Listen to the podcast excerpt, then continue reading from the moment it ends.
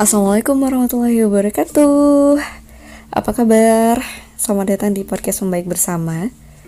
Um, Kali ini bahas tentang Isra Miraj ya. Karena kemarin baru saja Isra Miraj. Tapi kali ini saya mau ngasih salah satu fakta yang mungkin tidak banyak orang tahu gitu ya. Tidak banyak orang tahu nih. Jadi selamat untuk teman-teman yang sekarang mendengarkan podcast saya. Nah, kita mundur sedikit dari momen Isra Miraj, pasti ada latar belakangnya ya, kenapa Isra Miraj ini dilakukan. Ada tiga momen kesedihan yang memang diabadikan di dalam sirah nabawiyah. Yang pertama adalah meninggalnya Khadijah radhiyallahu anha, kemudian yang kedua meninggalnya Abu Talib, dan yang ketiga adalah dihinakannya Rasulullah di Taif. Jadi dari ketiga momen ini, saya membahas tentang yang ketiga, Taif. Rasul saat itu melihat Mekah itu masih dalam kondisi yang tidak kondusif untuk bisa menyebarkan Islam lebih luas lagi. Jadi Rasul itu sambil berpikir teman-teman kira-kira mana ya tempat yang kira-kira cocok untuk digunakan e, menebarkan Islam lebih luas lagi. Kemudian Rasul berpikir oke okay, mungkin harus ke Taif nih gitu. Tapi ternyata yang didapatkan oleh Rasul saat itu adalah penghinaan habis-habisan. Kenapa habis-habisan? Aku bilang karena Jibril itu sampai marah besar. Gak mungkin kalau gak habis-habisan Jibril tuh gak mungkin sampai datang. Berapa kali berapa kali coba Rasulullah itu dihinakan di Mekah berkali-kali kan. Tapi baru di Taif ini Jibril spesial nih teman-teman. Tanpa diundang hadir untuk menawarkan wahai Muhammad ini ada gunung nih dua. Kalau mau aku hancurkan sekarang juga untuk menghancurkan produk Taif ini akan aku lakukan. Gitu.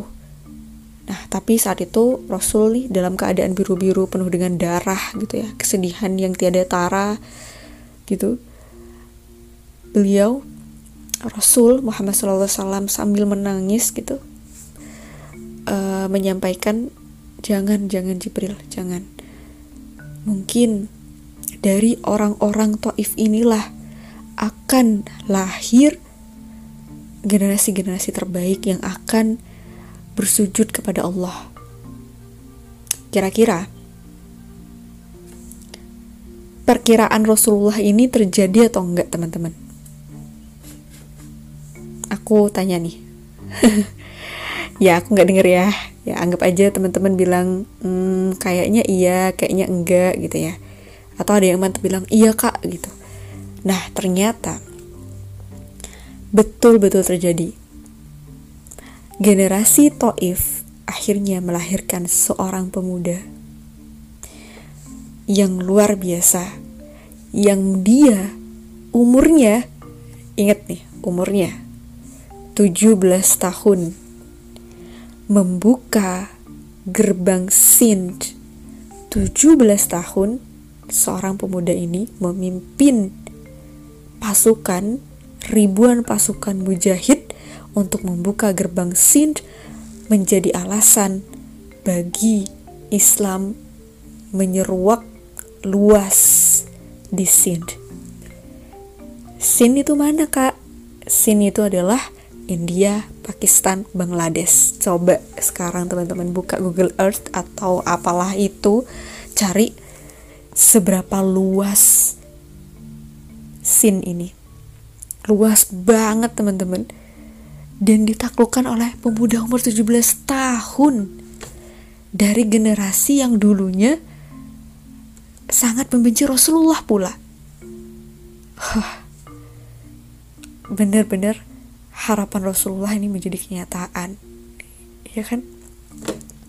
Mau kenalan nggak? Siapa namanya? Oke saya kasih tahu. Namanya adalah Muhammad bin Qasim As-Sakofi panjang?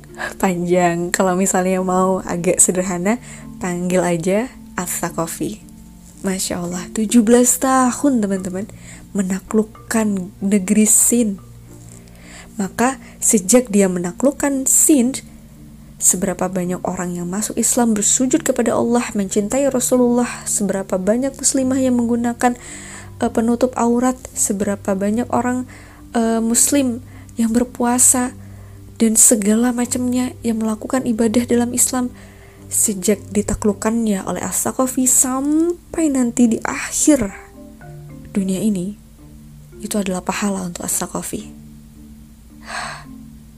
Gak kebayang ya berapa pahalanya. Ini loh pemuda. Ini loh pemuda teman-teman. Dia punya visi yang jelas. Dia punya mimpi yang besar. Dia tidak menyanyiakan waktunya. Pemuda. Kenapa pemuda?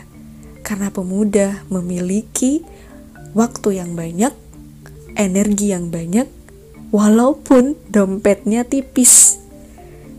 Tapi dengan dua keunggulan ini, energi dan waktu yang banyak, dia bisa membuat perubahan untuk dunia ini. Dan As-Sakofi adalah salah satu pemuda yang bisa teman-teman contoh.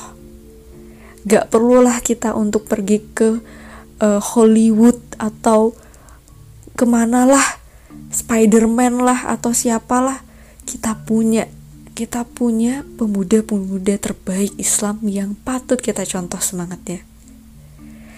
Nah, yuk kita sama-sama membuka lembaran sejarah-sejarah kita untuk mengenal kita, Islam. Siapa kita? Siapa Islam? kita buka lagi lembar sejarah kita, maka kita akan menemukan kekuatan-kekuatan yang luar biasa. As-Sakofi adalah satu dari ribuan pemuda-pemuda yang berada di garis terdepan Islam, garis terdepan dakwah Islam. Jadi, please yuk kita sama-sama melihat diri kita 17 tahun kita ngapain? Main game, ngafe, gosip. Hah, ya Allah.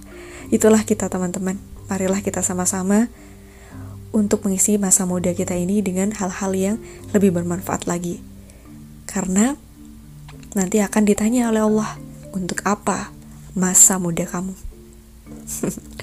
Mungkin itu aja ya yang bisa saya sampaikan. Sila, uh, silahkan di share jika ini dirasa bermanfaat dan ya wassalamualaikum warahmatullahi wabarakatuh.